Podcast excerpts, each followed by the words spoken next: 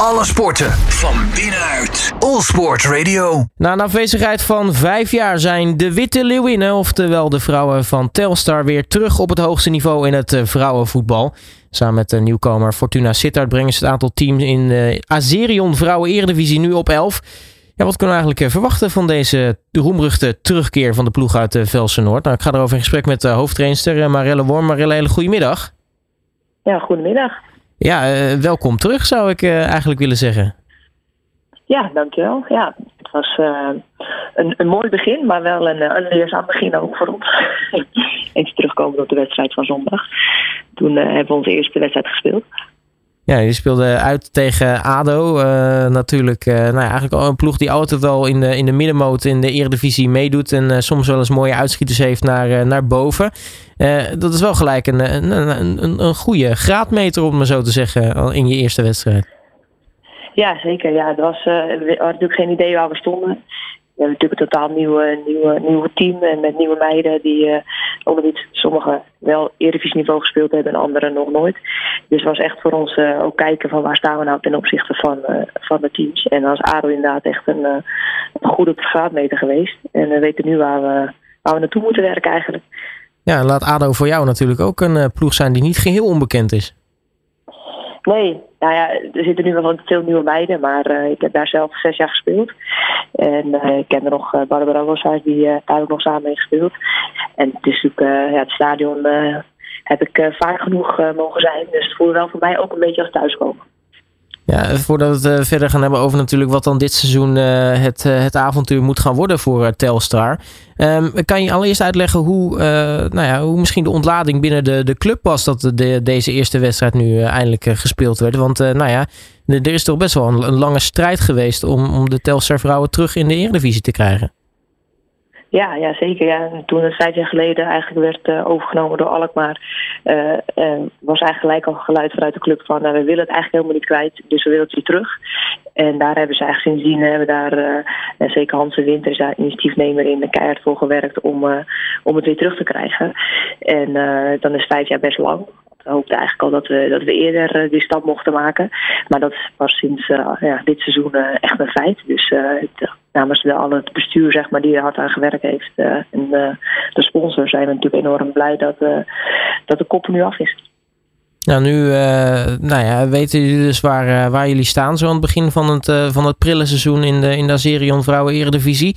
Um, nu komen er natuurlijk nog, nog heel wat wedstrijden aan. Um, ja, ik neem aan als je kijkt naar de, de andere ploegen dat de focus voornamelijk ligt op het presteren tegen een, uh, nou ja, een Excelsior uh, of een Fortuna Sittard. En misschien wel zelfs dan uh, misschien de grote rivaal dan nu VV Alkmaar. Um, ja, nou ja, de nadruk ligt natuurlijk gewoon voornamelijk op, op dat we ons eigen team, eigen speelwijze verbeteren. En als we daar ons, onze focus op hebben, dan komen de punten tegen welk team dan ook uiteindelijk hopelijk vanzelf. Um, dus daar, daar focussen we ons voornamelijk op. Ja, waar, eh, waar ligt uh, de, ja, jullie grote kracht uh, voor, voor dit seizoen uh, qua, speelsters? Um, nou, ik denk dat we een heel dynamisch en creatief middenveld hebben. Waar, waar, we, waar we best wel veel, veel mee kunnen doen. En we hebben echt wel een, een centrale as, centrale, centrale verdedigers eigenlijk, die echt fysiek zijn en, en ook spelinzicht hebben. En ik denk dat, dat dat wel een van onze twee krachten zullen gaan worden. En, en natuurlijk ook niet te vergeten dat we ook wel creatieve en snelle buitenspelers hebben. Dus uh, overal wel kwaliteit eigenlijk. Ja, en, en volgens mij wat ook uh, leuk is, is dat uh, normaal gesproken zie je een ploeg wat dan, nou ja, als ze beginnen spelers inkopen om dan te starten. het Telstar heeft eigenlijk met een soort belofte team wel een soort van doorgedraaid hè, in, in de afgelopen jaren. Volgens mij in de selectie zitten er ook wel wat speelsters die eigenlijk doorgegroeid zijn uit nou ja, misschien dan de eigen jeugdopleiding, op maar zo te noemen. Ja, ja zeker. We, we, hebben niet de financiële mogelijkheden, ook niet de, de doelstelling vanuit de club om uh, alleen iedereen te halen en te kopen. Um, dus wij hebben inderdaad zes meiden die vanuit de belofte vorig seizoen zijn doorgestroomd naar, naar vrouwen 1. En daarbij hebben we natuurlijk altijd wel, heb je wel ervaren krachten nodig die, die, die de lijn uit kunnen zetten en die team kunnen dragen.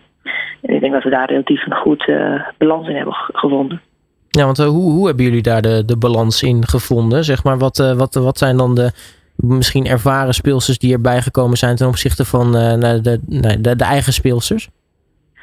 Nou, natuurlijk gaat het om leeftijd. We Dominique Bruinenberg is, is naar Telstar gekomen. Nou, zij heeft natuurlijk ervaring al jaren in de Eredivisie, maar ook in de Bundesliga in Duitsland en nog in Engeland gespeeld. Dus zij heeft ja, enorm veel ervaring en, en die kan zij nu mooi overbrengen op de jonge meiden. Weet je, wat is er nodig om in wedstrijd te presteren en hoe leid je een topsportleven? Ja, en is het wat dat betreft ook handig dat jij natuurlijk zelf ook gewoon uh, jarenlange ervaring hebt op dat, uh, op dat hoogste niveau?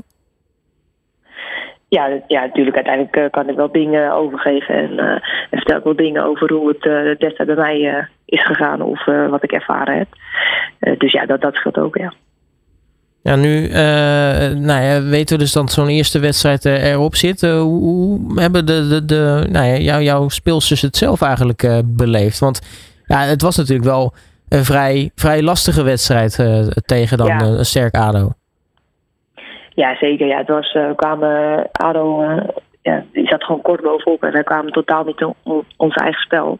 Waarbij we de meiden niet in hun kracht kwamen eigenlijk. weet je, de kwaliteit die we hebben, die konden we daarbij niet benutten. En dat heeft ADO gewoon hartstikke goed gedaan. En uh, ja, dan lopen ze eigenlijk uh, zeker de tweede helft steeds meer achter de feiten aan. En, en creëren ADO veel meer kansen dan, en doelpunten dan wij dat doen. Um, maar goed, op dat moment na de wedstrijd over, natuurlijk de teleurstelling en dat we niet beter hadden kunnen, kunnen presteren. Maar achteraf, zeg maar, zoals deze week, ja, dan is ook alweer het, de blijdschap, de blijdschap niet. Maar van, ja, we zijn wel weer terug en we hebben een hoop te leren en daar gaan we vol voor. Dus dat is, uh, dat is wel mooi om te, zien was dat.